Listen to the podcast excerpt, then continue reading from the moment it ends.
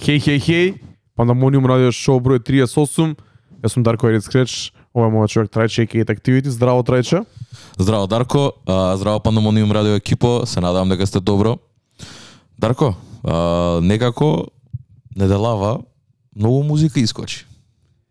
Некако неочекувано премногу музика без да без релиз дейтс, без нешто посебно. Предходната недела зборевме за нова музика, сега пак ќе збориме и се надевам дека секој петок онака така ќе бидеме благословени, пошто како и предходниот имавме доста да збориме и шараут за сите луѓе што ни пишаа, дефинитивно. Бевме изненадени од реакцијата што ја добивме за посебно за еве, пак ќе кажам не не рап артист веќе, бидејќи замина во други води. А, многу беше интересно разврзавме неколку муавети со многу различни луѓе, онака што не очекувавме дека ќе даат таков таков не не текст, ама придонес онака мислење свое кон кон тоа што го зборевме ние и многу ме радува дека е така. А, пишете ни коментари, ја обожавам да ги читам онака дури ги најчесто и ги лајкам, ги проверувам секој ден дали има нови. Пишете ги, коментирајте ни, кажете ни ги вашите тейкс за работеве ние што ги збориме овде, бидејќи ни е од огромно значење и само уште толку поише не не тера да идеме напред. Ја го преслушав на албумот на Ради Рич. И? Па, знам, сваќам зошто луѓе го хейтаат така што го хейтаат. Поише критички него ли, него ли хейтање за џабе. Му фали мелодијата у вокалот што имаше на на на The Box и на, на претходниот албум. Само тоа ми е. Инаку албум кој албум е добар, интересен е, концептуален е. Има мемење Live Left Laugh, дека е нешто такво, ама шала на страна, добар е албум е, само што валјда не е тоа луѓето што очекува од Roddy Rich. Мислам дека на крајот на денот се сведува на тоа, но ја би се сложил со Кире, што ни пишу коментар дека албумот е многу добар од со артистот новата генерација на трап музика вака треба да звучи, јас се слагам со тоа брат. Значи ова ми е добар солиден проект Дефинитивно. од артистот од најновата генерација што реално звучи супер испродуцирано. Не звучи избрзано, не зву- звучи комплетно, звучи како финален добар продукт. Е сега на кој му се свија, оке, на кој не му се свија. Да, да. Тоа е тоа, али на крајот на денот мислам дека роди лични да е добра музика, со тоа што ќе видиме искрено колку од таа музика и колку од неговиот албум ќе помине во Македонија во ноќните клубови, бидејќи јас тоа што имам пуштено да сега, но луѓе има Тешко, доста ново. Мислам Да. дека нема стигнато баш до публиката бар која доаѓа на нашите настани. Пред се тука мислам на луѓето кои доаѓаат во ЕПИ во четврток, од кои најмногу би очекувал да се запознаени со со неговата музика. Да, дефинитивно да. Ке видиме, ке видиме, останува да видиме каде ќе стигаат овие нови албуми, до, до каде ќе успеат да допрат во, во Македонија, и не само во Македонија, него и на Балканот, дали луѓето ќе ќе резонираат со нив или веќе си тераат по свое. Останува да видиме. А, знаеме дека Roddy Rich е многу квалитетен артист, еден од ретките што е од, од, од својата генерација. Така да не верувам дека и третиот албум кој ќе ни го даде ќе биде онака одличен за слушање и ќе има сигурно некој бенгер на него. Ама тоа останува да видиме. Што слушаше неделава? Прво, сакам ја да, да, да, да спомнам дека почнавме конечно со плейлисти. Со оваа со, со оваа емисија ќе имате плейлиста каде што ќе можете да ги чуете песните за кои што збориме. Ран таймот е некаде од прилика ист, така да предпоставувам дека можеби не е математички точно, ама доколку си ја пуштите плейлистата и си ја пуштите епизодата, у позадина цело време ќе ви врви музика која што ќе биде онака кажана и ќе биде спомната овде во во емисијата. Шарауту Владимир за тоа, конечно пристапи кон кон Пандамониум, имаме нов член и ми од огромна помош онака. Кој сака да се преклучи, имаме јавен повик, пишете ни. Го, одлоговле- го одлоговлекувавме моментот да почнеме плейлистата, али викендов не натера да сакале некеле мораше да ги Мораш. ставиме, као прво мораше да си ги ставиме песните ние тројца на едно место за да ги чуеме. И рековме, ајде да. сега ќе ја направиме таа плейлиста, ја почнуваме од денеска, Pandemonium Radio Weekly Selection, а, нерална селекција од музика која за која ние збориме во оваа емисија, во овој подкаст, а тоа најчесто се нови изданија, а, музика која ни е во постојана ротација тој одреден период без разлика дали е нова или стара и некои постари заборавени песни кои за кои ќе збориме тука ќе ги спомнеме или ние ќе се подсетиме па ќе ги ставиме у таа плейлиста да да ги чуете и вие можеби да да се разврзе некоја тема и некој цел тематски подкаст врз основа на тоа. Ја почнуваме таа плейлиста комплементарна на овој подкаст. За жал немаме радио емисија, денеска ќе беше супер дидевме идевме лайв на Mixlr и да пуштаме музика и да ја коментираме, но ако ви се свиги ова, преслушате музиката која имаме на плейлистата, па слушате го муаветот или обратно, чујте, чујте го подкастот, па чујте е музиката за која што ќе зборуваме денеска, бидејќи на вистина има многу да се зборува. Овој викенд излегува многу добри синглови. Јас се навратив на два-три албуми кои не се толку нови, ама се последниве месец-два, да речеме, не се најнови. Така да ја би почнал со сингловите, брат, би почнал со трагата која ти ја спомнал група, а тоа е новиот сингл на Joey Badass. He's back. Uh, Берес валјда стаи некоја пауза на својата актерска кариера која што и е реално пролифик барем сега за сега бидејќи е на поише на поише ствари. Out to 50 Cent за тоа. Не знам дали пратиш или не, ама Не брат, мора фан фактер да кажам, го видов вчера во, во списание, македонско списание нешто за она Космо, нека промотивно списание на реклама за 1 милион парфемот. за Пако Рабан. Да, И да, се да, да, зачудив, да, викам, да. Чекај, чекај, вака само го скролам, не знам ни зашто го скролав. Го, Ја. го разгледував и онака чекај, чекај, познат ми е ликов. Да. Джуи Бедес, викам, what the fuck, и сега ми текна да го спомна. Да, епа, Джои го има тој момент сега што што го доживеа A$AP Rocky на пример во во неговиот стардом, кај што почна да соработува со брендови, почна да навлага у фешн, па и се Rocky има доуп филм од не знам, од година пред година две, може и поише искочи да каде што глуми. Ова сега исто го прави Джои, благодарност на 50 Cent каде што тој многу го турка во неговата во неговата продукција и во неговите серии, многу ми е мило. Имам гледано нешто, не е кој знае колку спектакуларен, ама е коз добар. И интересно ми е секат рапери која која глумат брат. Не знам зашто тоа ми е секат момент, бидејќи од секад имале харизмата и Джој Джој е многу харизматичен кој артист и ова е токму таму. Тракава блика со со харизма онака и со енергија полна. А, траката се вика The Revenge. Не знам зашо се осветува. Се надевам дека знае зашо збори, бидејќи не знаеш како у смисла немаме немаме долго време да добиено него албум од Джои Берез, брат. Ни треба. Ме разбираш, сакам да чујам и да слушнам човеков што има да каже на пошто го знаеме ние од 18 години. Сакам да знам сега што има да каже на 27, пошто е мој врсник буквално е роден една недела пред мене. А, така да ќе видиме. Се надевам дека ова е она нек, некаков а, еве прилуд, приквел за за некој албум и ќе видиме кај ќе иде. Но како и да е, битот е многу онак енергичен, е јак.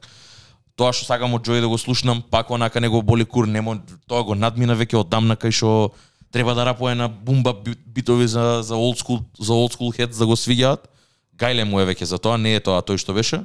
И ми се свиѓа кој е у овој лейн. Секад ми се свиѓал кој експериментира со музика и ова е токму таму онака. Да мене ме потсеќа ова на првата трака во ваков стил кој излезе Devastated. Devastated, да. Ми има таков вајб, ова е дури поенергично, потриумфално, по Да, е па тоа е моментот. Поише може да грми во клуб и мислам дека ќе го пробам. Се надевам. А, Джои вади ќе вади албум, сигурен сум, а, и кога ќе го изведе се надевам дека ќе го оправда се до тоа време што го немаше на сцената бидејќи стварно вреди кој артист, стварно е многу добар, има многу добри квалитети кои што реално е изоставен од времето од фактички артистиве која би ги наборал што ја започнале декадава. Ама човекот од својот микстейп 1999-1999 направи партал и направи отвори дупка брат, отвори кратер во хип-хоп сцената тогаш. Си, не знаеш што се дешава со човеков како може на 19 години, на 18 години вакви ствари да прави. И плюс го врати звукот за кој многу беа Носталгични. носталгични. Да, точно. и им таа е онака ветер во грб за да, да може да си го клейм на тоа и Нью Йорк и све. Пошто рачунам дека и тоа е стартна и контрол она а, во 2013 значи Кендрик тука стартна цел берел кај што имаше. Значи има многу добри моменти Джој Берес си го има заслужено тоа да биде артистот таков кој што е сакан од сите, дека е почитуван од сите за своите лирички способности и не очекувам ништо освен онака одличен албум. Revenge мора да го чуете, се надевам дека ќе ви се свиѓа, мене многу ми се свиѓа, посебно ако сакате онака малце како што кажа Дарко триумфална музика реално. А се повеќе ја гледам и се почесто таа продукција на трап битови со дувачки инструменти. Омилената за мојата омилена. Со бе. тоа што малци предаруваат сега, али си држи. Тоа е тоа. Идеме на следната песна. Hate to say it. Азизи Гибсон и Фреди Гибс, кажи ни зашто ја стави оваа песна на плейлистата и зашто ти беше ротација. Брат, ова, а, пак ќе кажам, благодарение на, на, на Spotify сега што вади као кон notifications ми вади кога ќе извадат нови песни, нови албуми, кога ќе стигаат од луѓето и од артистите кои што ги следам. Ми искача дека Фреди Гибс има нова песна во колаборација со Азизи Гибсон. Азизи Гибсон е артист кој што ти текнува на времето кога слу- кога беше All the Rage кога беа корејските артисти. Добро. И Джима 2014 тоа време. А Зизи Гибсон имаше тогаш хитови брат. Беше многу мрачен и баш беше у тој у тој лейн онака. Трап битови, ко Night Lovel мрачни имаш, дури и соработки, ако не се лажам со Night Lovel, со Джес Картиет у тоа време ептено онака меланхолични трап битови. И после тоа некако валјда и мене тој период ми заврши на таква музика која слушав и го заборев скрос. А не знам зошто, имам чат со него, кај си ја ми пишува за ствари, не, онака ми има искоментирано, ме следеше едно време на Инста, појма немам зошто. И си викам, еј, човеков го немам слушната, премногу време, као. И плюс со Фреди Гибс, као, дај да чујам да видам што се дешава. И ме изненади. Ме изненади Фреди, има многу чудни соработки, ако ако влезете на Фреди Гибс на профилот, ќе видите дека има многу чудни соработки со артисти кои што инаку нема шанси да стигнеш до нив. И валја се paid versus, онака валја го плаќаат добри пари за да се појави, бидејќи ако видиш перспективно вака од страна Фреди важи за еден од предводниците сега на тој вистински рап на, на underground сцената. И нормално е некој артист што е помалце познат да сака да, да има фичер со него. Така да чуден микс, ама интересен микс. Интересна продукција. Фреди си го прави своето, а Зизи Гибсон исто ми се свигаше после толку време. Пак го има ти, ги има тие мрачни тонови, ама продукцијата не е таква. Не е, не е тоа што беше у 2015-2014. Интересно е, позитивно ми изненади и треба да се чуе. Ја проверив има некои нови проекти, има има доста проекти кои што бил активен онака. А Зизи Гибсон, барем 2018-2019 мислам дека ќе се навратам да видам што ја ми спуштено, да видиме кај ќе иде. Пошто знам дека го слушав човеков у 2014-2015 прекинав тотално и сега пак онака 2020 2022 Ќе видим, ќе видим, ама звучеше промисинг од тој сингл така да ако ова води кон некој албум, не не не, не, не ископав доволно да видам кај иде овој сингл, ама се надам дека ќе биде нешто добро, брат. Фреди Гибс секад ми е плюс, така да. Мене ми е супер така за нова наша плейлиста. Ки длжам да кажам дека ќе ми биде постојано во ротација, али да ја Да, да. чујам, ја, ја слушнав два-три пати од како ја прати ти, супер е проаѓа. Само да збориме за следната песна, Surround Sound, JID, 21 Savage и Baby Tate. Знам дека имаш многу Лудори. што да кажеш за оваа трак. Лудори, лудори, лудори. Прво, пред се, пак ќе кажам, public service announcement, 21 Savage е most grown up artist од трап ерата во било кое време, од 2010, 2011, 2012. Нема, не постои друг артист кој што се издигна на вакво ниво да биде волку прецизен, волку версатилен, да биде волку отворен за колаборации, брат. Тој со работа е веќе со луѓе што никад не би не би помислил, као Джит е од Атланта, он е од Атланта, во ред, ама друго е, ме разбираш, што се има други артисти си се наоѓаат на трака, Брат, се почна со J. Cole и мислам дека тогаш се отвори целиот Да. пат и целиот лейн на 21 Savage. Инаку морам само да кажам дека он е артистот кој најмногу порасна од ситуацијата во која што беше и каде што ние го стававме. Тој може би не се осеќаше така, но по изгледот, да, по начинот на ние, му го дадовме тој лейбл, апсолутно. Е, целата сцена така, така го гледаше бидејќи изгледаше како сите други. Како еден Да. обичен трапер кој прави еден микстеп, има еден хит или полухит и тоа е тоа. Неговата неговиот раст последниве 6-7 години е нереален и мислам дека секој следен фичер го става само се повисок и повисоко на таа на тие рап скалила, тие скалила во играта и мислам дека веќе го надмина не е она трап артист, него е солиден хип-хоп артист од новата генерација. Брат, луѓе го посакуваат да биде на фичер, ме разбираш као И тоа луѓе што се од што не се од трап сцената, него Да, се да, од да, да. таа хип-хоп, рап, има има генерално поштовање за за за општо за рап артисти, као не не мора да се трап, не мора да се рап, општо као луѓе го сакаат и тоа многу ми е добро. Пошто песнава постои ко снипет малце од поодамна. Ако не се лажам, некаде август се појави некој снипет. Ама не беше во цело, само знаеш, се знаеше дека uh, и 21 имаат пест, имаат трак. Ова која искочи семплот плюс онака бит свичот на крај. Партали. Партали. Легендарен семпл за луѓе што не знаат, ако немаат слушано Моздев на времето е Miss Фет Бури. Легендарна исто песна сама по себе, да земеш да земеш таков семпл и да го оправдаш е многу голема ствар.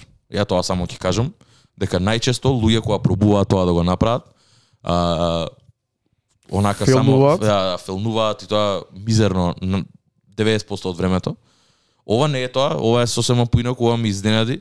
И дури знаеш што, толку дека веќе не као Мос Деф баш слушав пред некое време, ама нема да си ја пуштам ем, она Фет Бурив дека таа му е едно од нај, најголемите хитови. Ќе пуштам нешто што е по по лоуки онака по внатре у неговиот календар и се мислев као кој е семплов, кој е семплов, буквално не се се укочив, не може не можеше да ми текне брат. Седур не се свестив после 2-3 минути дека е усари е ова брат. Која е конекцијава брат? Ја тоа не разбирам као дали мислиш дека 21 се веќе свесен за тоа дека работи на на на Mos Def? Мислам дека да, брат, таа песна... Сигурно. Не, не, таа песна е многу повеќе од, од хип-хоп класика, таа е онака. Сигурно. Верувам дека сите ја знаат и верувам дека се вртело на радио. Ако ништо друго, нивните родители сигурно ја слушале кога биле помлади Да, да, тоа трансцендентираше хип-хоп. Ја не памтам една журка кај што не беше пуштена брат. Зборам за почетоците ја која искачав 2009-2010. Да, за warm-up сет или во некои миксови, да. Да, да, да. Не, ја не сум ја пуштал искрено, али да. Да, да. Разбирам, ама како и да е. Ова е трака кај што и двајцата и тројцата фактички го го оправдуваат. Baby Tate не сум упознаен со него, не го знам кој артист, нема лажам, ама секој си го направи своето и ја направи трагата што е феноменална и од продукцијска гледна точка и од раперска гледна точка. 21, кој што кажа, се поише и поише ми се свиѓа и се надевам дека таму само така ќе продолжи. А джит си е джит нормално, као тоа е неговото rapid flow, неговите многу добри witty lyrics. Не, не, нема нема мис овде на песна, ништо. Ја, ја морам да кажам дека не ми се свиѓа джит брат. Пробувам да го долго време више пробувам да го Тежок, сварам и сватам. потежок е, да. Not my cup of tea. 21 Savage, битот, семплот, одлично, бебите Tate не се ни моментов на неговиот верс, али и мене ми се допаѓа оваа песна.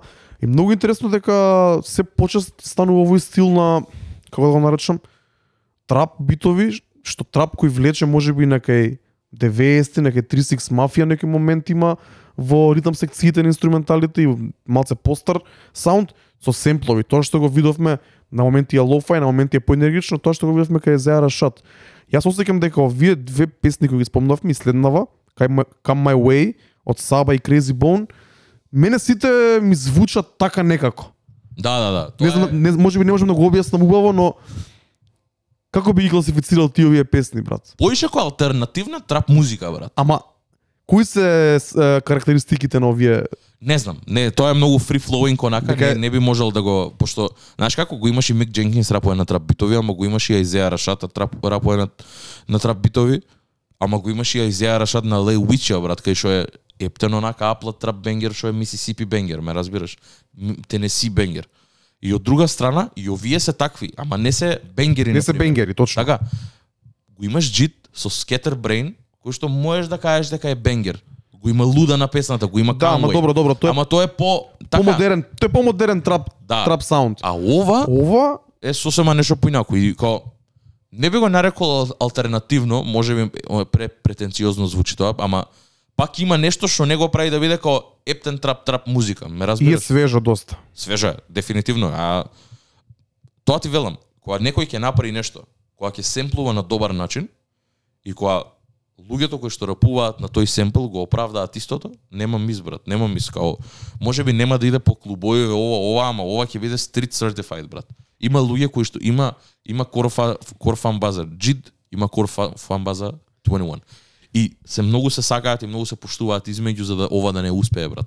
Мене Ова за е успех. мене ми ова класична Spotify плейлиста песна, онака мислам дека има на илјадници Spotify плейлисти. Дефинитивно. За рандом да се пушти у било кое време од Да, онака, да, да, да, во ротација да ти биде дека може да класифицираш на 100 различни начини, на 100 раз- и да ставиш на 100 различни места, припаѓа секаде. Јоп. Почнувајќи од она Mellow Bars плейлиста која зборам, до New Joints и до други плейлисти кои се курирани од тимот на Spotify, а камо ли други. Ајде да збориме за Саба и Crazy Bone, на интересна комбинација на ептен нов артистот, најновиот бранд на алтернативни, да ги нарачам рапери, со легенда како Crazy Bone. Ова не знам од кај доја брат. Ја исто бев зачуден, го гледам и тоа не знам од која причина. Се уште го имам Crazy Bone на Facebook, брат. Му имам лайк на то пејџот и ми искача. не, не лажам, не се не зафркавам. Добро. И као гледам my new song with и се поише и поише, ама валјда има врска тоа, брат. Се деси нели версусот? Па сигурно. И сигурно, сигурно сега дека има поише traction, поише ми искача и мене на фид. Ја не памтам кога последен пат Crazy Bone го имам видено на фид кај мене, брат. А и сега искочи, брат. Искочи као снипет од песнава. И си викам што се дешава као, од кај Сава со Crazy Bone брат, као не, никад не би помислил дека такви два артисти може да се спојат. И од друга страна си реков, окей, може би Версусот имало нешто врска околу ово, пошто Crazy Bones имаше моменти тоаш, ме разбираш, као може би може би Саба е голем фан на на на, на Bone Thugs and Harmony. Не можеш никогаш да да. знаеш, да. И нај најверојатно и таа, не се не се не се врсници па да се да се од mutual friends да имаат или нешто такво. Не верувам дека е тој случај. Претпоставувам дека Саба кој огромен фан на Bone Thugs and Harmony го има исконтактирано, има стигнато до Crazy Bone, имаат направено песна. И добра е. Мене ми се свиѓа, малце е носталгија, стара е. Саба ми е секад окей, мело е, лабав е. Си збори тоа што си збори, збори за многу добри ствари. И не знам, Нема добра. она Bone Thugs and Harmony моментот на пеење на рефренот е Да, да, да. Го има, го има тој класик момент, брат. Значи Да, и тоа е така да тоа брат. носталгично е и за луѓе кои што ќе видиме Кицо, ја ќе му ја пратам на Кицо Праска да, да видам што ќе каже за ова брат. Он е он е гос, голем голем поштоеч на на ликот и на делото на Thugs and Harmony и на сите уствари внатре во Thugs. Така да ќе опрашам да видам што мисли за песна, дали му се свија. Саба не знам како ќе реагира на него, ама Crazy Bone знам дека му е тука Да, да, да. и ќе видиме што ќе каже. Не, дури ги имаат на хип-хоп министри оно еден многу јак лайн а, со Марса хармонија во рапот, сме ко crazy ја и busy ја. Bars, решетки, решетки. Хип-хоп историчари. да, да, да, да, овде. А, се смеевме со Даре, има тоа баш боревме и у група, у групен чат боревме со Марса дека мразиме луѓе кои што се само хип-хоп историчари. Ја премногу сакам историја, посебно за музика која станува збор. Исто. Исто сум таков као сакам да знам години, сакам да знам семплови, сакам да знам кој од кај е. Ми интересираат такви background information кои што се многу поише од самата песна, ама кога кога го имаш само тоа, немаш перспектива и баш тоа беше за Марса ме праша зашо ја имам лайкнато, лайкнато тоа меме, ќе го поустеме ако треба и мемето учат, не е ни битно дека као демек ист, рап историчар ти се приближува и ти идеш на другата страна од улицата само за да го одминеш и стварно е така, ме разбираш, као ја немам ништо против такви луѓе, ама најчесто тие се тие што знаат замараат дека знаат све, но уствари нивното знаење завршува од 99-та. Ме разбираш, ја имам проблем со тоа. Многу точно. Пошто од, од 99-та почна е нова ера на музика која што преминала, Брат. која што била многу попозната, брат, и многу по и многу поголема неголи тоа што било тогаш. И секад се зголемува, никад не никад не се намалила, ме разбираш, као само рап универзумот е веќе окрстена, само се зголемува од тогаш. Брат, ама ти рачунај 99-та е на пола некаде од почетокот на хип-хопот од денес. Значи, колку што има до 99-та, толку има и после 99-та хип-хоп музика. Со тоа што сега има многу повеќе квалитет и квантитет во споредба со, со минатото, така My да не ни да exactly. споредиш, брат. By point exactly. И затоа, на пример, мразам луѓе кои што зборат само за старото, ако не го гледаат и новото. Ја затоа имам проблем со heads кои што зборат, бидејќи едно е ти да збориш со некој што слуша само трап музика, брат. Тогаш можеби поентите твои ќе бидат валидни. Не можеш со мене, Брат, ама тоа кој исто што слуша хип-хоп, кој што наликува на тој што ти го слушаш, а ти не го слушаш овој пошто е искочен од 2020. Ти си проблемот, не сум ја, ме разбираш, да, да. као има ден денес има музика за секој вкус. Затоа е тоа многу добро каде што артисти успеаат да си изградат свој кор фан бази и да си имаат ниш контент и музика која што си ја креираат за луѓето кои што нив ги слушаат, брат.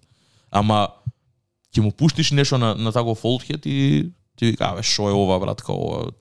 Океј, брат, ама многу е префинето, брат, шо е ова, го нема овде, го нема онде, не, брат. бе, брат, на, најако е дека Не можам сега дека тек сега луѓе се закачуваат на трап или на било што вакво, И многу Више- голем дел од раперите, да, да, да, да. на да играта више привршува, така да тоа е онака нај најсмешното и Па касните најинтересно. на да. возот, да, да, да. И Е, тоа па, доста време. Тоа е, не, немам ништо против, ама тоа ми беше причината, затоа се смеевме дека рап историчари сами по себе се лоша не знам, a bad of bunch of people, брат, кај што Сварно е така, брат, се караш со нив за безвезе, као стрелат онака без нишан, брат, ме разбираш, само пукаат и ништо не не. пукаат у воздуху празно, да. Да, Е, кога сме више кај old school ера и кај old school момент, добивме на соработка од AZ и Two Chains, која се вика Motorola Era, брат. Што се случува со Two chains? Некој нека ми објасни. Брат, возрастен е човекот. Нека Ништо не се случува. брат. Мене ми е Човеков нормално. чекал да наполни 42 години за да прави соработки со со AZ, да го има. DJ Premier. Сега се помаѓа таму, брат. Он Да, е да, да. по- поблизо ќе со таа генерација отколку со новата генерација на трапери. разбираш? Мило ми е дека е така. Искрено се радувам дека е така, пошто не звучи човеков како да не е во лига со AZ, брат. AZ беше еден од нај и, и ден денес се смета. AZ ис- искрено и сега го извади лани, фактички крајот на годинава, што пројде, го извади и неговиот Do or Die 2. Конечно, брат. Кој беше кој беше негов негов најголем хит? Не можам да се сетам, брат. Do or Die.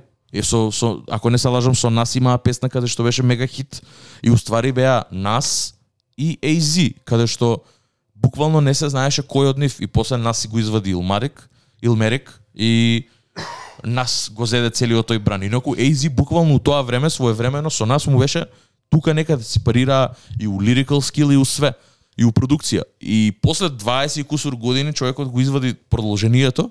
Има многу добри песни. Ја го имав, ја, ја го преслушав и мило ми е дека се дешава тоа и плюс сега од кога го гледам дека Тучен со работа е со него.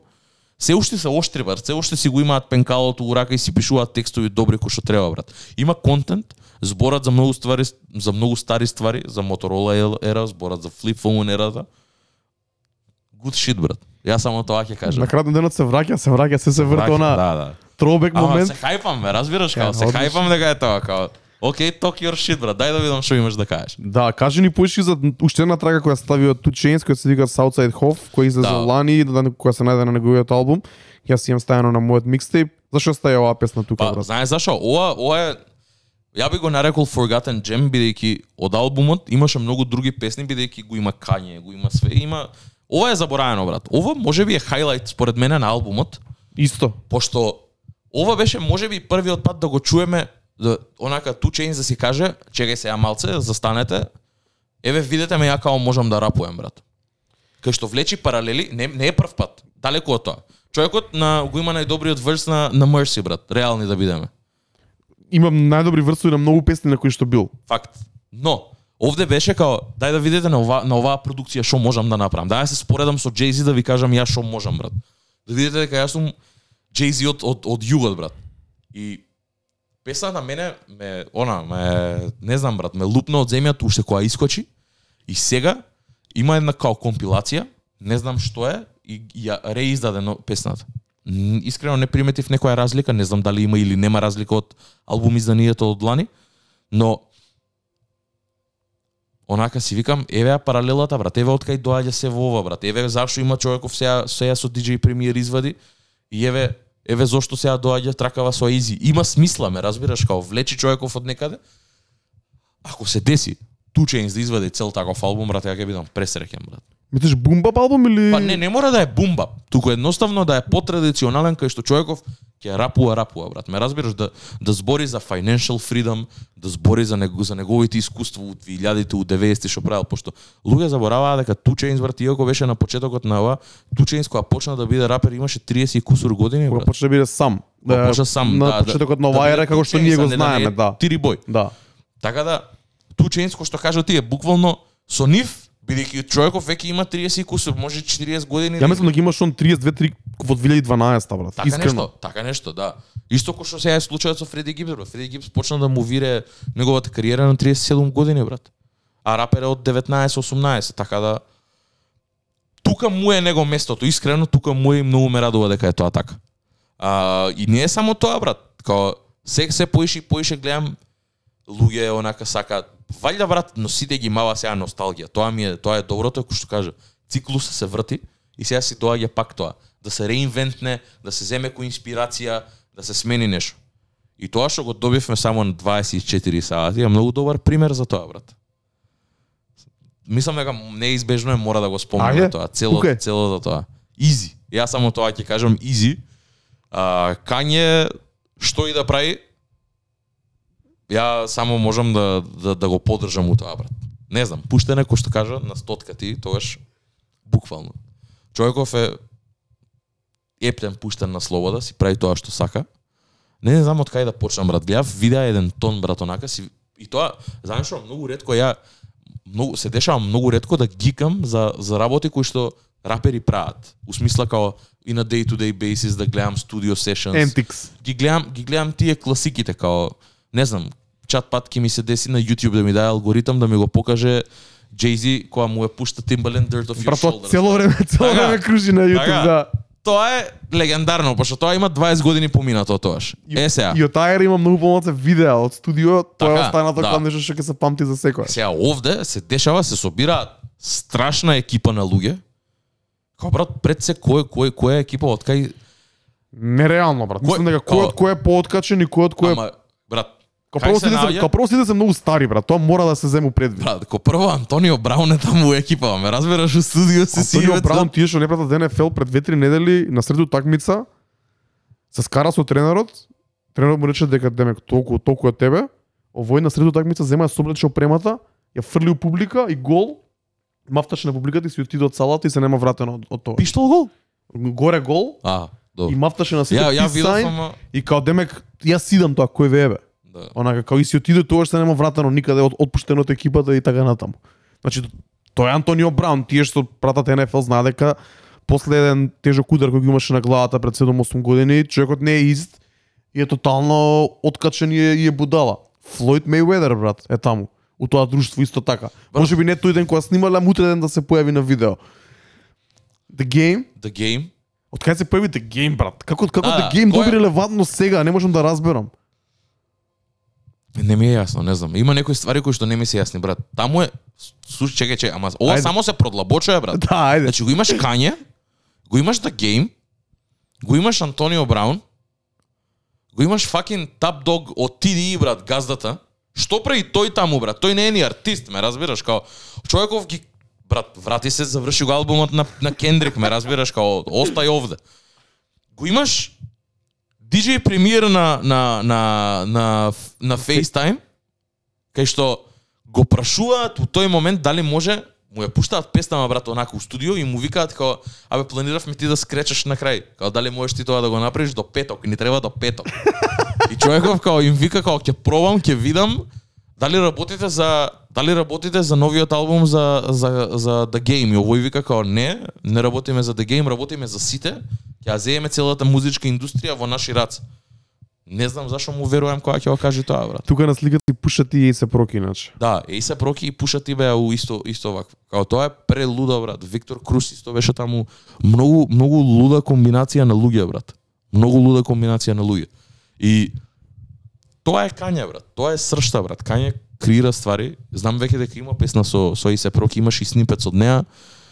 Ама тоа што искочи и тоа што ни ветија, искочи. И тоа е изи песната, која што е да не кажам не вари интересна, брат, као е Ако, ако, ако не друго, е интересна, ме разбираш? Как, има многу луѓе со што чувствуваат као демек, абе не е јака што е ова, зашо ово волку хајпаа за вакво гомно, што се дешава да со песна. Имаше многу критики на интернет, читав и поредите едно друго, ама од друга страна, исто кој што изборевме за за трагата на Джид и на, на 21, овде има исто легендарен семпл од Easy затоа се вика Easy песната. Каверот е на следно ниво. Као, ова е втор кавер што го гледам таков експлицитен. Првиот беше од Лани на Арман Хамер. Извади албум, тоа е рап група од Лос Анџелес. Извади албум со Алхемист, се викаше Харам и на каверот имаше буквално два имаше две глави од свињи пресечени онака буквално. Ова е нешто такво, ме разбираш, ова го има црвеното тоа Bloods на на The Game и Bloods но, нормално и на Easy, пошто и тие се gang affiliated, зашто тогаш и као не знам, чудно е брат. Но каверот е она Ептен Страйкинг онака баш да збори. Мене ми е тумаш, брат. Да, Не ми се тумаче, свига, дури- тумаче. Ептен in your face. Не знам како да се осеќам за за него, ако ништо друго грозно изгледа, брат. Разбирам зошто го за зошто го велиш тоа, ама од друга страна The Game и Лудак certified и тоа е отидам брат. Као он е многу добар артист, ама човеков тоа ако ако гледаш на интервју на, на интервју што збори таков е брат. Он он е тоа брат. Тоа таков е. Out there не се замара за луѓе што ќе кажат ептен таков е. Кање е токму тоа, само Кање валјда му треба поттик брат и да гейм тука е да му е да му да му се израмни со енергијата брат. Ама ако тоа значи дека ќе извадат албум, рекоа дека Дон да ту исто исто исто искача, тоест А, не знам дали го Тоа видите се тоа. појави и скриншот Moneybag Yo. Moneybag Yo. Kanye West го бара Moneybag Yo за Don Two, брат. Тоа тоа би било мега, брат. Као Moneybag Yo, брат. Од сите луѓе Gangsta Spain, брат. Ја пак ја кажам дека многу изоставен албум, брат. Многу изоставен албум, требаше да се најде, може може може би требаше кај мене на Honorable да се најде, на Honorable Mentions, брат. За тоа што го направи, за бројките што ги направи, каква платформа му даде на Moneybag Yo, такви контакти да стекне, брат, за да дое сега Кања да му пише него дека му треба за дан да ту, си успеал. Реално. Не бре, ама си направил реално- нешто квалитетно што треба. Си направил Не, нешто тоа квалитетно. нема, нема муабет за тоа. Он има големи хитови и он не е стигнат уште- во Македонија, но за тоа што го прави, го надмина и он она траперското моментот излезе од од само да е трап артист, сега е ком, комплетен хип-хоп артист. Да, да. И ова е уште еден косайн кој него не ни му треба. Ова поише и кажува и за Кање колку е отворен за за се бидејќи јас не да. можам да го замислам Moneybag Yo на саундот на кој беше Дон да Кецот.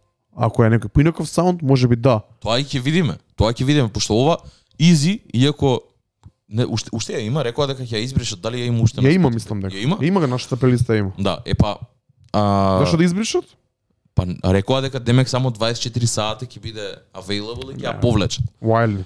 И како и да е, Kanye is Wildin, го сакам тоа, брат. Јас секад кога е off the rails, онака кога е пуштен на на слобода, у смисла, знаеш како, кога нема притисок од други луѓе, и тоа сега што му се деша и со Джулија Фокс и све тоа, тоа вајда него му дава енергија, брат. Као, о, Тоа е одлично. да, да, да, да. Последен пат вака кога беше го добивме Heartbreak, Heartbreak, Innovates and Heartbreak, така да ќе видиме што следува, брат. This might be a crazy journey, ама ќе стигнеме таму, кај да е. Ќе видиме. Донда ту, се надевам дека ќе искочи кој што кажа, иако не сакам искрено да го сквернави името на на Донда, као не треба да се искочи од својот лейн, зашто беше Донда, за сега Донда 2. У смисла, пак треба да си ги има да си има продукцијата што треба да продолжи брат. Ако ако сака да извади албум друг со The Game да биде ваков по in your face и со такви кавери, нека го задржи за нешто друго, ама Донда 2 ако е, ако е продолжение на него на на Донда 1 и го носи името на неговата мајка, нека се пак задржи до тие У смисла, знаеш како? Да не да нема пцуење во во песните и све тоа. Тоа тоа би го поштеал од Кањи, иако ја не сум фан на тоа, ме разбираш? Ама би, би, би го сакал тоа за за континуе, за за континуација на од првиот. Тоа би било добро. И нека и- нека има уште еден проект да видиме што ќе каже брат. Вака, ја мислам дека тоа со Дон Дон да ту со Moneybag Yo муаветот добро може би он така го вика у глава, може да го има замислено Да. така додека излезе кој знае како ќе се вика и кој знае како ќе изгледа и звучи. Од друга страна мене оваа песна Easy ми изгледа како one off, ми изгледа буквално како фристайл. И битот е таков, значи само еден семпл е, на Да. луп цело време врти. The Game има 16 или 32, не сум сигурен, Kanye има еден по фри, фри верс, кој што збори за секојдневните работи што му се случувале тие два-три дена таа една недела. Да, да, да, да. Онака баш е као као фристайл и пушти го битов е добар, ајде да снимиме, ајде да го извадиме одма. И супер за тоа што е како такво. Тоа дека е песната кој знае колку добра и кој знае колку дека Не. го ќе го смени звукот на хип-хопот, да го се смени во оваа насока, брат. Далеко. Не, не, Не, не. сум за тоа искрено, Но тоа не се дешава брат. Јас само знаеш што се плашам. али ми се свига Kanye, што викаш ти, out there, in your face, а, се враќа со пцуење, на заебанција тоа кажано е, е демек да го тепам Пит Пит Девидсон, да. ама јако е да ја видиме таа страна пак, брат.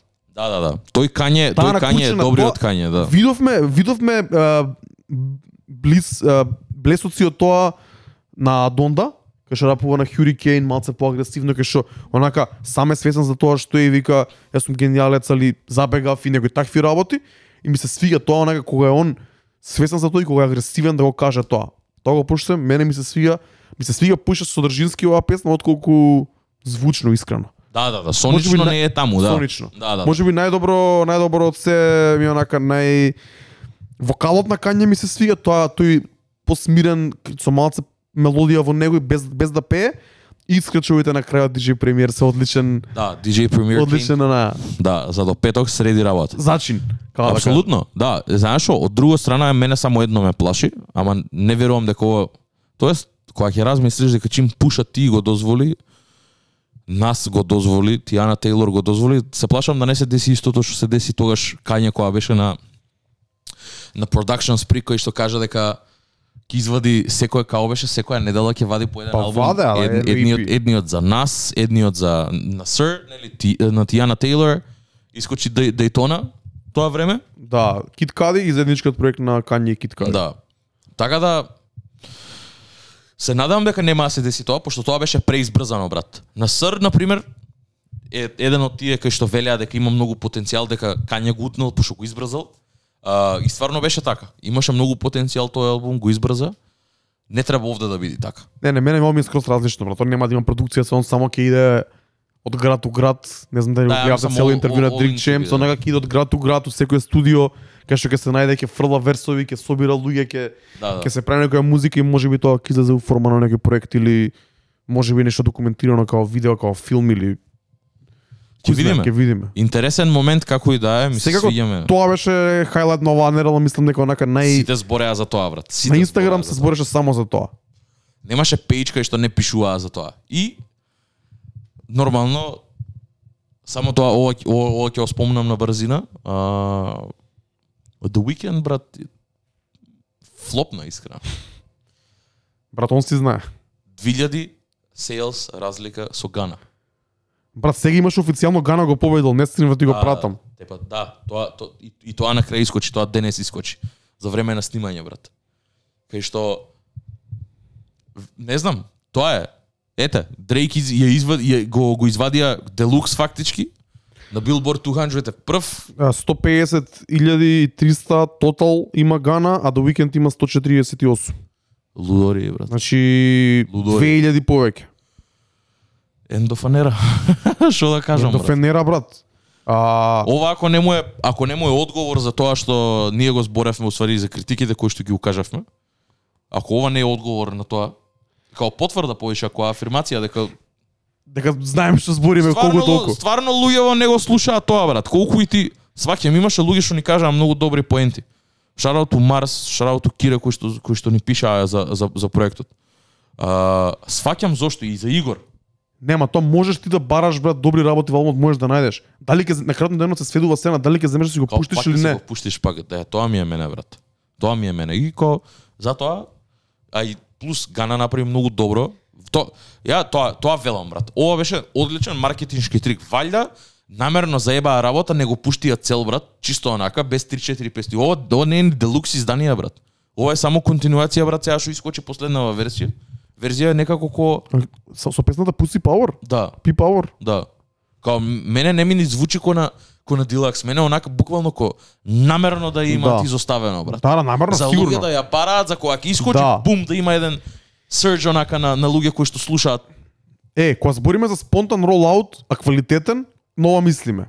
Нов линго направија заедно со цела оваа СД екипа. Ново меме направија на интернет. Нов начин на пишување на, на коментари.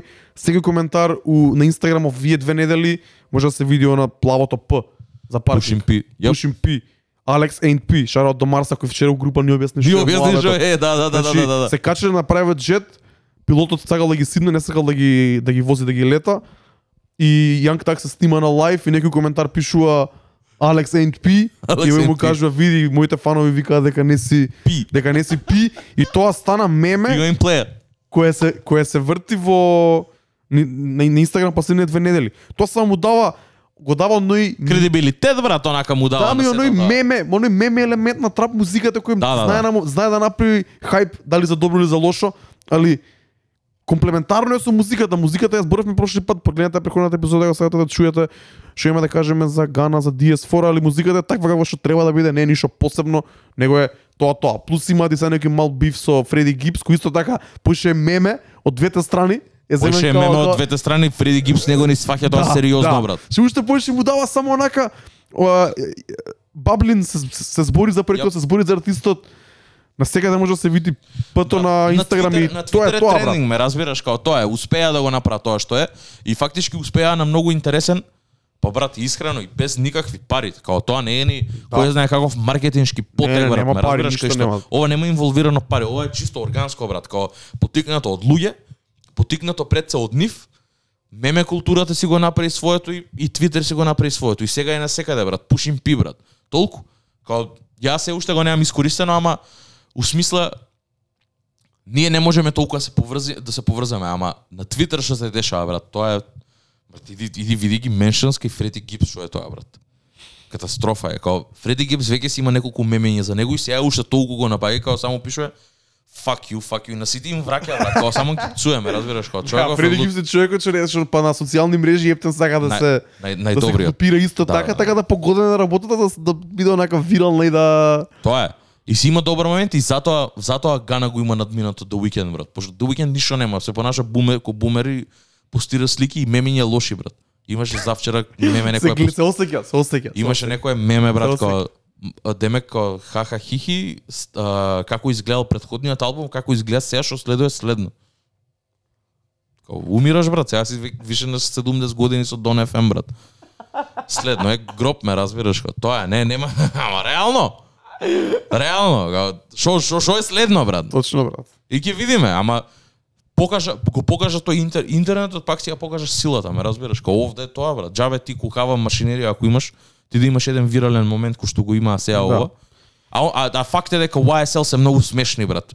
Јанг така онака е препозитивен, Гана е смешен, глупости брат, гуфи се такви целите, на, на, се ставаат на лайв чуда, Да. конверзираат со фановите. Тука се ме разбираш, тука се со луѓе. Брат, меме е само по себе, не знам, ги следиш Гана, YSL и Young Tag на Facebook, брат? Следим од пандом... А не, на Facebook на, не. на, не брат, на Facebook за следи го брат, на секоја слика, на секоја слика кај него кај негов сајни рапер што и да е, след пишува и и и, и као го имаат прашано дали он е брат тој што си го следи што што си го што си го користи Фейсбукот и вика да бе мое им пишува им ги поддржува моите црнци брат. Им пишува след измиички им праки и као луѓе што не ги следат нив И им искача коментаров пошто Јанг така искоментирал и они добиваат експожер од тоа, ме разбираш? Луѓе се смеат, ама им влагаат у очи Не, ама така ствари што се дешаваат у YSL и тоа е многу добро, брат. Тоа е многу добро и заради тоа, брат, не е ни машинерија, туку тоа е само органски онака, од чиста заебанција почнало да функционира алгоритмот за нив и стигне до ваму кај што се. И многу ми е мило за тоа дека Гана уствари победи на еден начин, брат. Ова е победа за Гана, а ова е пораз огромен за The Weeknd. Ти да се спуштиш од пола милион продажба у, у, у One Week Sales на 140 и тоа да не го имаш и тоа да немаш number one. Ти... Добро сега, тоа поише проб за Гана, али до викенд остага не ми се ни збори за него, више, тоа е тоа. Него сакав да кажам дека YSL мора да се навратам и да, да кажам, го заборавивме, не зборевме толку многу за проектот заеднички колаборативен кој иде за во март од цела YSL екипа, односно Young Так Гана и нивните сайнис, што ги спомна, Така. и плюс блиски пријатели со работници. Сега спремам еден мини серијал на миксови кои планирам да ги снимам деновиве. И сватив дека има многу добри песни од тој проект кои ми се наоѓаат во Сарато и кои ми се да ги немам пуштено можеби на подиум, освен Solid и уште една две песни од таму или Ски, али има многу добри песни дека мене во ротација, посебно за оној Vibe серијал кој е Така. така малце по спорт, трап, мелодичен. И мислам дека тој проект јас го стави во моите топ 3 колаборативни проекти, но мислам дека од оваа гледна точка ќе ќе остане како солиден проект со добри синглови и добри one off траки и на крајно и на крајно денот е како што викаш ти репрезент проект за сите подпишани за нив да се да се го искажат Да, да. своето.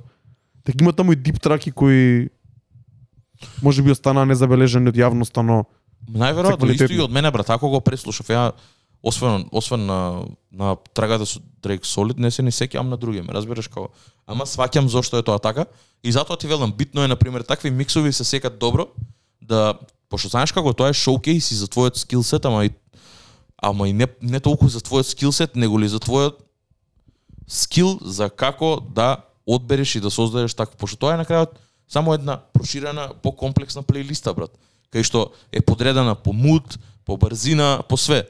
Тука ти диригираш со тие со тие 40-50 песни што ги имаш тајано. Многу е битно, брат. И многу е добро кога ќе има некое такво изненадување што не го очекуваш овде, пап влага и си викаш е ова функционира. Ми се свиѓа песна, ај ќе ја вратам, брат. Да. Јас сега, вие следнија миксови што ќе ги правам, сакам да става музика која што не можам никако да ја пуштам во клуб. А има многу многу битно. таква музика. Тоа е многу битно дека така така ќе можеш да даеш шајн на музика која што не можеш инаку да даеш. Онака Дека да... за жал 90% од музиката што слушам дома не можам да ја пуштам никаде, брат. Или пробувам да ја пуштам, најчесто. а ако нема да ми успее два-три пати, се откажувам и тоа е тоа. Нормално. Не сакаш да ги да ги она не да ги не не, не, Не нервозни да ги правиш, ама ја тупиш работата пошто ќе има некој ќе си каже абе не иде ова, ме разбираш Да. или нешто такво. Не мо, мораш да запазиш и луѓето како како се чувствуваат и тоа е тоа е многу битен дел од, од диџејството ко Тоа е најбитен, брат. Тоа е дефинитивно најбитен, да. Кога сме више кај мојот микс кој го спремам, треба да го снимам најверојатно денес или утре, денови ќе излезе се надевам. Мора да ги спомнам и D Block Europe. Имаме зборено за нив. Тоа е едно дуо од британската сцена. А, еден има познат од нив двајца кој е Young Guts. Верам дека го знаете, он го извади оној заеднички проект со Чипи со Скепта пред пред Така. година две. Е, он извадија албум во ноември, 19 ноември 2021 нивните албуми или микстейпови се многу долги, така да тоа што не стигнав да го преслушам, али деновиве секој ден малце по малце го преслушувам. Мора да го спомнам Home Alone 2, класичен D-Block проект, 23 песни. А, звукот е препознатлив за нив, таков вајби, спор, мелодичен трап. Они се многу мелодични, со многу аутотюн.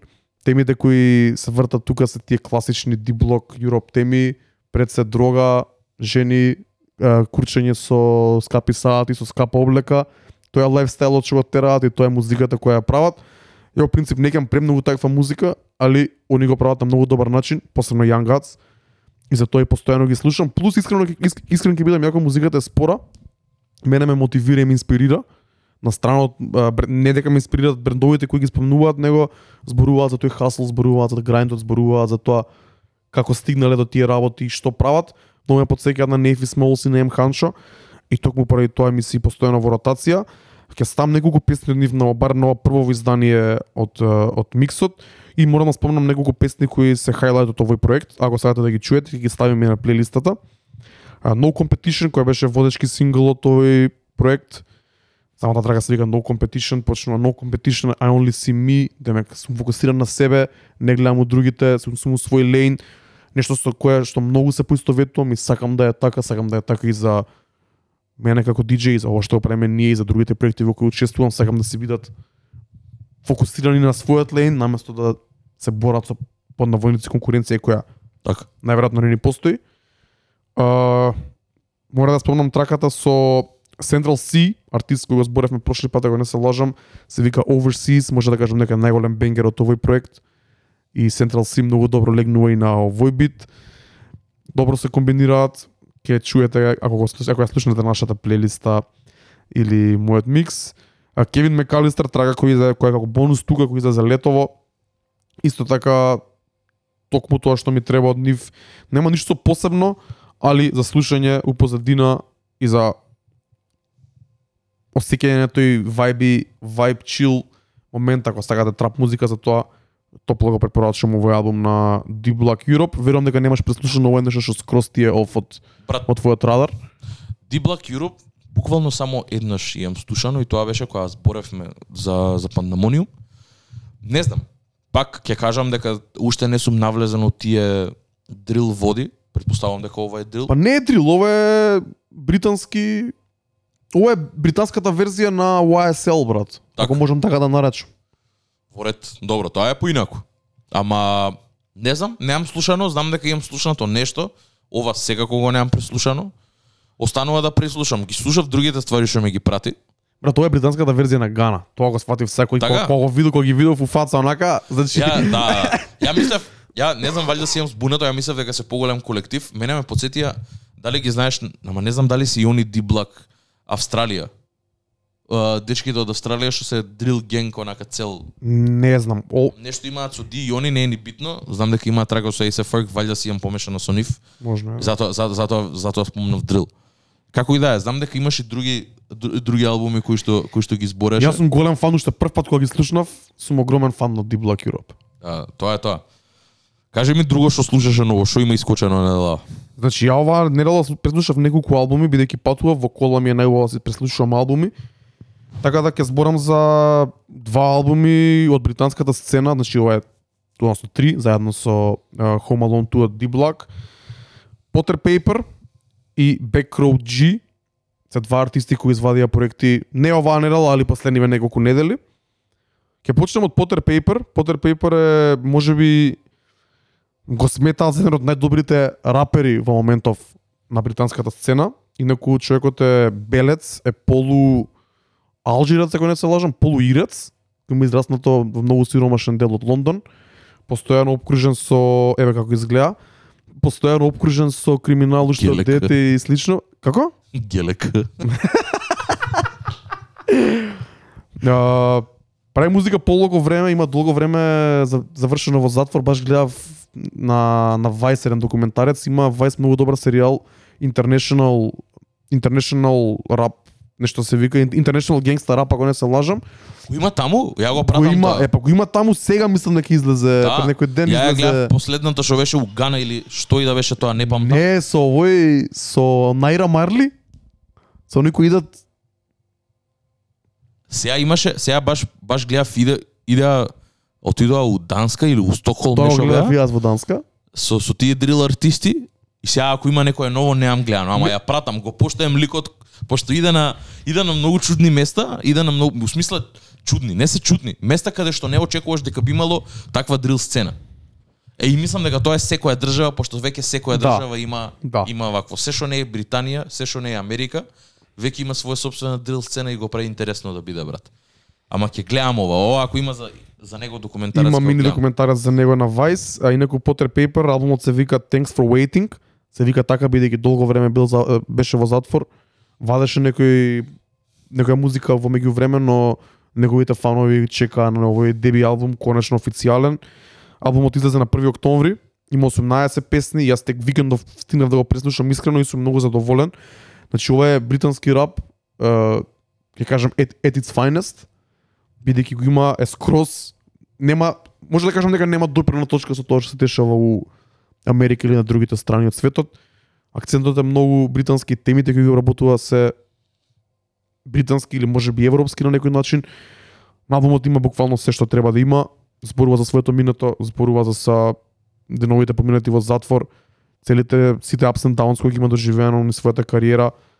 Има неколку многу јаки бенгери кои више ги имам се рато стајано и ќе ги пуштам, се надам дека ќе ми поминат. А, комплетен албум за еден хип-хоп артист звучи добро, на моменти може би звучи репетитивно со неговото флоу, бидејќи е рапер, британец, на моменти може да е малце тешко за слушање. За луѓе кои не слушаат толку британски или толку не сака да слушаат рап, но оверал звучи добро. Продукцијата е солидна, има од се по нешто, има и трап битови, има и дрил битови, има и бумбапиш, такви по-класични хип-хоп битови, па дури има и нешто така малце по повесело. Се појавуваат интересни гости кои се, ќе речам, стейпл на сцената во Британија, не они прв ешалон на Дейв Скепта Стонзи, туку целиот овој втори ешалон кој Така. Јас го пратам и кој ние го збориме тука. Пред се тука мислам на М Ханчо, NSG, Хейли од Western, се сеќаваш да. за кого зборувам. Тигс the Author, не знам дали се сеќаваш на една песна, не знам на кој албум се најде, ја зборевме, ја, ја зборевме на Пандамониум, али дечкото е луд за рефрени на песната Gangsta Writers, која во моментов е баблин сингл на британската сцена и има по, по плейлисти, ја знам дека ја вртат на радио. А, мора да се спомне тука Дига Ди и Unknown T кои се уште по длабоко од, Така, Unknown ти е познат, го имаме, го имаме зборено овде, да. и Дига Ди исто, тоа се дрил британски рап артисти кои се онака у својот лейн и се супер, така да сакам да кажам дека албумов е онака Јоп. Стект. Ја опи, да, е стект и ја опишува добро британската сцена во моментов. Значи не е толку интернационален, туку е поише Да. за тоа што е. Комплетен албум, треба да го чуеш, мислам дека има ствари кои ќе се допаднат. Интересно звучи онака го и, и го испрезентира добро и мислам дека ќе ќе се најде нешто квалитетно у него, сигурно. Сигурно е. Ставив 4 песни на плейлистата. Отидете, преслушајте ја. Nothing's Free, на која гостува Suspect OTB. Го слушав на едно интервју, тој е најверојатно артист подпишан за него. Дечкото исхина на последниот верс. Премногу ми се свиѓа, ова е таков енергичен а, трап бит, ме подсеќа на може ме подсеќа на Бет, траката од Скепта и Октавијан, али малце поенергична. Така. Ако се сеќаваш, Plain Clothes, на кој гостуваат NSG, кои многу добро му даваат му даваат онака некоја друга перспектива на албум, малце го развеселуваат на момент, поише певливост, за NSG имам зборувани милион пати. Треба да ги преслушате Gangster Writers, трагата со Tix the Author и Ketchup на која гостува М Ханчо, која најверојатно ќе става ми на миксот за кој што зборував. Тоа е таков стил. М Ханчо е еден од моите омилени артисти општо од сите држави, сите правци и се одлична комбинација со Potter Paper. Thanks for waiting, Potter Paper. Чујте ги прво траките на нашата плейлиста, ако нешто тоа ви се допадне, отидете и преслушате го целиот албум и дзирнете го видеото на Vice, мислам дека трае 10 на минути, не е многу доволно да добиете перспектива за неговиот живот и е, неговата кариера која допрва сега почнува откако излезе од затвор. Он е убеден дека нема да прави више глупости, среќен дека може да заработува од музика и сега се посвети целосно на музиката и го бива за тоа. Ти пуштив еднаш лани, има од него многу добар фристайл на Lemon Pepper инструменталот. Може Валјда, е па Валјда имам нешто слушнато, ама не се сеќавам, брат. Не ми, од- не ми останало во ум и ниту име ни ништо, ама вака како што збориш, сигурен сум сега дека ќе сидам дома, на работа сум до 12, ќе си го пуштам, ќе ќе чујам. Ќе чујам да видам што има. Кажи ми за следниот. Јас следниот многу ме интересира, ја не знаев дека има искочено такво нешто. Значи, ова е, Ми го збореше и не ме разочара воопшто. Тоа што чув, воопшто не ме разочара. на британската сцена постои еден артист кој се вика Backroad G, Backroad G, и секој од нас, значи јас, ти, Ведран, дури Марина, шарот до Марина, која баш вчера постираше песна од овој албум, секој од нас има стигнато до овој артист од различна страна и секој го доживува на, на свој различен начин. Мислам, мислам дека ти и Ведран може би имате стигнато преку uh, Пасалу. Пасалу, али ја имам стигнато, например, преку NSG до него. Не знам Марина од каде го знае, ама дечкото е артист кој е многу како би го опишал? Ја би го опишал така а, артист од британската сцена кој има многу звучи многу африкански, звучи многу агресивно, а од друга страна знае и да пее, може да се снајде добро на секаков вид на битови. Ајде, опиши го ти од твоја перспектива како го како го доживаш Back Road G. Чуден. Чуден. И уникатен. уникатен артист кој што ретко ретко можеш да најдеш таков друг пример, брат. Ко редок специменен дефинитивно, пошто ја го знам и го дознав уствари, се запознав со неговата музика од My Family. Песна со а, песна со Паса Лу на албумот кој што од лани нај, најголем впечаток ми остави од таа сцена, Сендам ту Каванчу, веќе поише пати го имаме зборено. И ти доаѓа брат, уште на спотот кога ќе го видиш и спотот каков е и све тоа, многу многу добро ја вози, посебно таков бит со таква енергија, со таква агресија. Брат, Пасалу е еден од нај агресивните и нај ен, е, она ен, енергичните рапери што ги знам. Ти да ја надминеш таа енергија и тоа на фичер, да не е ни на твоја трака, тоа тоа кажува нешто за тебе, брат. Точно. Тоа кажува нешто за тебе. И го имам гледано лайв, и имам гледано него и имам слушано други ствари, никад ме нема разочарано. И тоа што велиш, многу е различен брат. Нека знае да урла, знае да се дере на песни и тоа е неговата и тоа е негов стил и после кај што е певлив, кај што пее, кај што е нешто поафричко, си викаш како Као. И тоа валјда, не знам он дали е од Гамбија, знам дека знам дека Пасалу е од Гамбија, Бекроуджи не знам од кај, ама како и да е, еден од после Пасалу за мене е еден од најинтересните артисти од од Британија. Многу е карактеристичен и не знам како да го опишам онака со збор 2. Стварно е уникатно. Ако треба да се да се поврза со да се спореди со некој, најблизок е Пасалу од артистите кои ги да, знаеме пошто и кои може би луѓето ги да, знаат. и пошто и Пасалу знае да да иде на афрички битови, да на ритмови и да да рапува онака на трап битови. И овој албум излезен у октомври, 29 октомври 2021. Викендов го преслушав неколку пати. Интересно е дека овој албум е долг 18 песни, не знам зашто ги прават толку долги албуми уште во Британија, они се знаат. Интересно е дека почнува многу дрско и многу агресивно. Почнува со дрил, почнува има- со трап и почнува со грајм. Првите седум песни се онака скроз трап, грајм, дрил. Има гостување од Lethal Bizzle и Jamie E, кои се легендарни на на uh, грајм сцената. Има тука некои други гостувања кои искрено мене не ми се познати. Ти трап и BG, али првите седум песни се енергични, се трап, се агресивни и можам да кажам дека не ми се свиѓаат толку. Тој Мене таа страна на тој Back дел- Road G не ми се свиѓа. Ти го преслуша тој дел? Ја као ја само ги чув трагите ти што ги имаш тајано во плейлистата и трагата со Джейми. Страшни. Као мене тоа ми се свиѓа, мене и мислам он е добар и кога е ваков мек трагата со NSG е феноменална брат, певливи се. Многу е добро, интересно. е. Да. Ама мене, ја дека валјда така го фатив у тој у, у таа зона го дознав, таму највише ми се свиѓа кај што е агресивен, кај што се дере, кај што тагове кај што си го држи своето брат, кај што продукцијата му е таква и го тера да биде и он таков. Мене тоа ми се свиѓа. Не значи дека ово друго не не е добро. Баш затоа велам дека е човекот е all around онака и знае многу добро да се снајде на било каков ритам, на било каква ме- мелодија, без разлика дали треба да пее или да да рапува или буквално и да вика во некои случаи. Многу е добар, само ќе оставам на луѓе да го чујат, да преслушаат и да, да они да си да си пресечат дали им се свиѓа или не брат. Не, џабе ти ќе им го објасниш, ова не може да се објасни. Ова треба Точно. да го чуеш и треба треба да да пошто и не е само тоа брат. А, неговата естетика брат, он како изгледа, како се облекува, спотовите какви му се. Гледајте го спотот на My Family со Пасалу.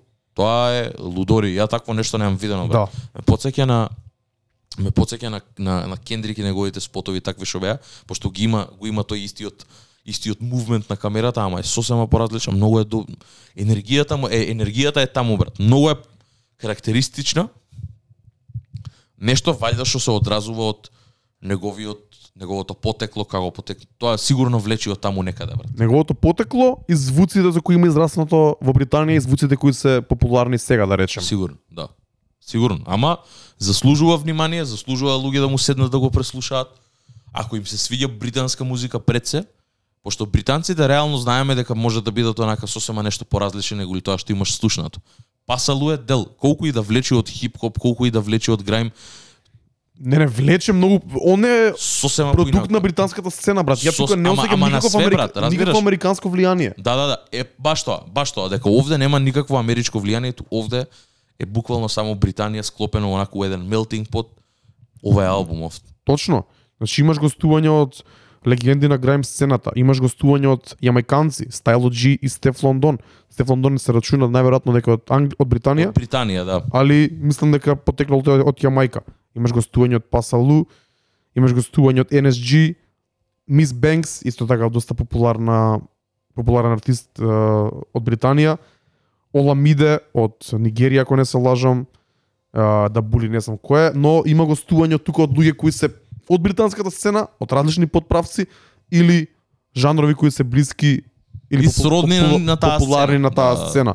А, чујте ги трагите кои ги имам ставено на плейлистата, ако нешто ви се допадне, истражете повеќе. Мене најдобра песна ми е песната Мботе, која е многу мелодична и многу интересна, многу. Ја слушнав во прав момент, додека се возев у кола и грееше сонце и ептен ме погоди. Uh, трагата со Мис Бенкс, трагата со NSG, ако не се лажам, ја ставив и трагата со Пасалу. Така да преслушајте ова, џабе збориме, додека не чуете, Јоп. нема да добиете перспектива за што останува збор, но ова за мене е многу квалитетен албум и можеби ќе добиете перспектива со Potter Paper, uh, Backroad G и Deep Black Europe, што од прилика ја слушам дома и што ме возбудува најмногу од не е хип-хоп, што ме возбудува најмногу од поглед на музика на страна од Така. она класична афро музика, мада и овде од 11 од 7 до 18 песна Има се- елементи. повеќето се Нормално. афро или влечат на Да, афро, да, влечат да, на да. денскол или на некој таков. Па тоа е Таков доброто, стил. дека имаш за секој се што брат. А и не е тоа не е тоа направено за да има, туку човекот едноставно таква музика креира брат. Може во една песна да да биде многу енергичен и да да биде рап рап и да се дере и да биде грајм артисти што и да е и после да има да има мелодија и да да звучи код од Нигерија да доаѓа код од Лагос брат. Така да тоа е само еден квалитет што го има тој брат, ништо поише. Тоа е добра, тоа е добра ствар, не е лоша. Точно, точно, точно. Uh, ја мислам да ја кажав се што имам за музиката која е ставена на плейлистата. На плейлистата исто така имаме ставено и музика која uh, зборевме претходниот пат, да. точно.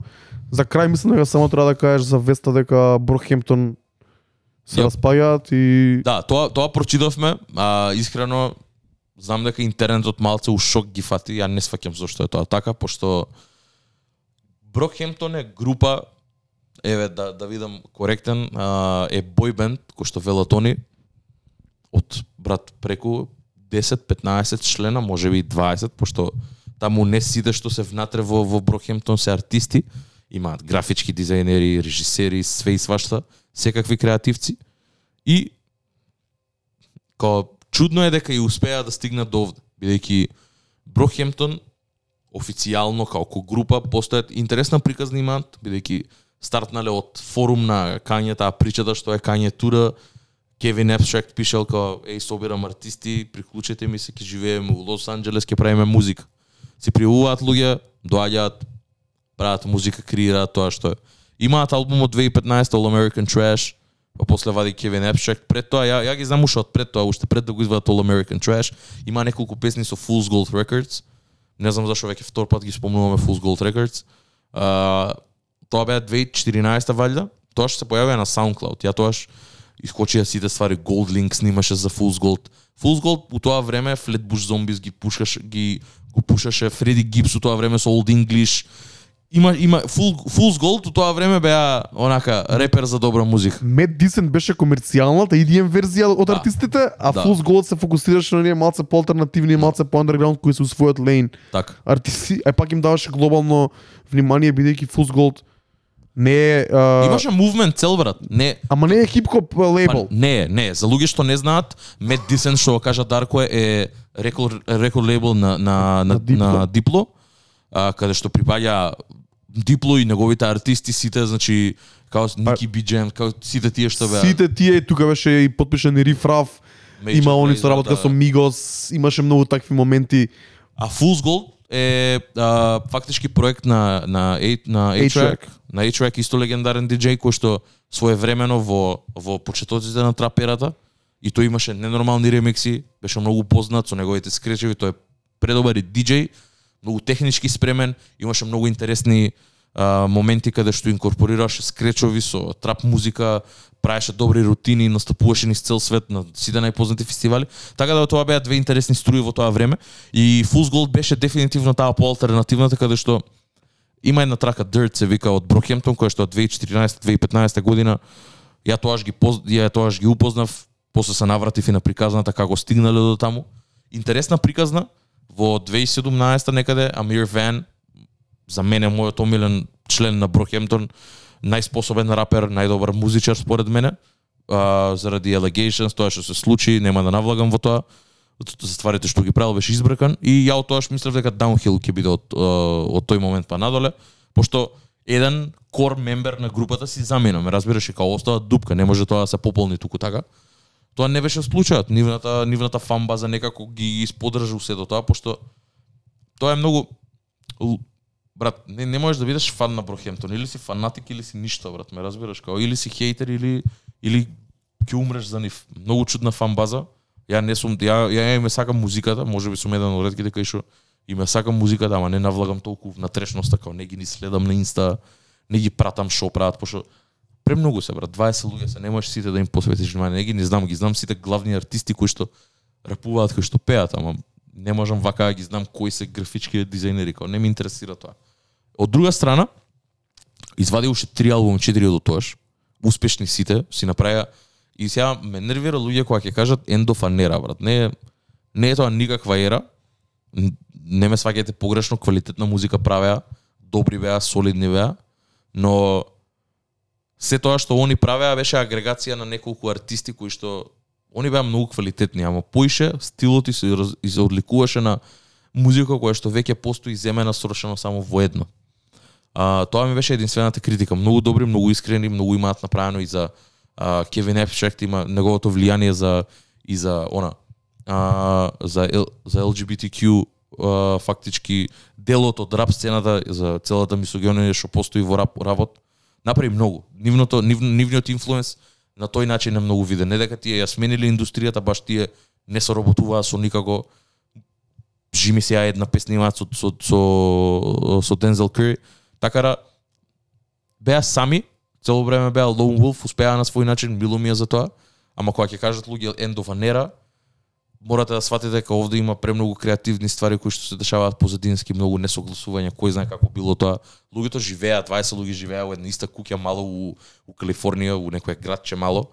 Така да јас само ќе им аплаудирам дека издржале до овде. Мене тоа ми е дека имаат и премногу уште од кога се деси тоа си реков дека пук, она тиквата ќе пукне кај да е, као не можеш да поише од 4-5 луѓе во извадија 7 албуми и баш имаше меме мама маната ми го прати преска кај што вели дека Брохемптон успеале као демек станале познати уште откако а, Блонд и DM имаат искочено, ме разбираш, кој? у тој у тој период до денес имаат извадено 7 албуми, а Кендрик Ламар има извадено еден, Френк Ошен има еден. Ама тоа не е репер за ништо. Ја никад Saturation 1, 2, 3 се добри албуми, ја никад не би ги ставил над Blonde и Damn, иако се солидни проекти, ја поише ги сагам предходните. А, пред Ginger, све тоа што следеше пред Ginger, Saturation 1 и 2 ми се добри, Saturation 3 ми онака и од таму веќе и не ги не следав толку. Ginger, Iridescence, Iridescence, како и да се викаше тој албум, не не ми е нешто посебно. Ама, не ми е ни жал едноставно, ама како како ќе кажам, квалитетни. Сите се добри артисти внатре, се надам дека ќе си го најдат Амир Вен, има веќе извадено некој проект. Он ми е добар, пак се навратив на неговите ствари. Валјда ќе терат нешто соло, сигурно нема да се изостават, валјда имале премногу распукување и the circle of life, брат, се дешава тоа да, да, да пукне тиквата едноставно и да, да заврши тоа што било. Нормално е тоа. Така да не жалам, ама нема да кажам дека е дефинитивно нема- не, не е end of an era, пошто не ни било некаква ера to start with. Ја само тоа ќе кажам. Не, е- не е тоа за да им одземам од нивната уметност и тоа што имаат направено, туку едноставно луѓе сега премногу ќе хајпаат дека нема да постојат од април па надале. Веќе има они хијатуси не настапуваат, откажуваат турнеи, се собраа едва и сега да ја направат ова и да прекинат. И као, окей, барем го правите на добра нота, ќе завршите со турнеја, ќе им даете на луѓето тоа што сакаат. Така да не знам што да кажам, тоа е за Брокхемптон онака, као добра група, окей све, малце прехајпната од своите фанови. Нешто што ме нервира онака. Не можеш да бидеш casual фан на Брокхемптон, брат. Као мораш да го следиш Джоба на Инстаграм. Не, не ќе да го следам Джоба на Инстаграм, не ме интересира Шопри. Иако е феноменален вокалист. Али тоа е. Немам што да кажам, брат. They had a good run. Не, знам дека индиферентен сум да, скроз за знам ова, дека, знам така дека да- ти не, не ги ни слушаш, ја ги фатив, ја ги фатив уште од многу таму уште луѓе пред да знаат што е Брокхемптон. Така да знам од кај доаѓам, знам зашо го зборам ова што го зборам. А, мене старите ствари многу поише ми се свијаат неголи овие. А, тоа е. Не, не верувам дека е ера некаква створиле, не ве, оставиле трага, ама не оставиле, нема да остаат дупка на хип-хоп сцена, само тоа ќе кажам. Нивните фанови ќе најдат некоја следна група што ќе се појави, одма да им го пополни нивното секој дневие, брат. Тоа е тоа. Тоа беше се за денешниот подкаст. Фала ви многу што останавте до крај. Јас сум Дарко Айрис Креч, ова е мојот човек Трајче Gate Activity. Проверете нашата нова плейлиста на Spotify, нашиот нов профил на Spotify, каде ќе ги ставаме новите Пандамониум радио плейлисти и се слушаме пак наредна среда. Тоа е тоа. PS. Само ќе кажам уште едно нешто. Слушнете го новиот албум на Earl Sweatshirt и ќе збориме во следна емисија за тоа. Чао! Чао.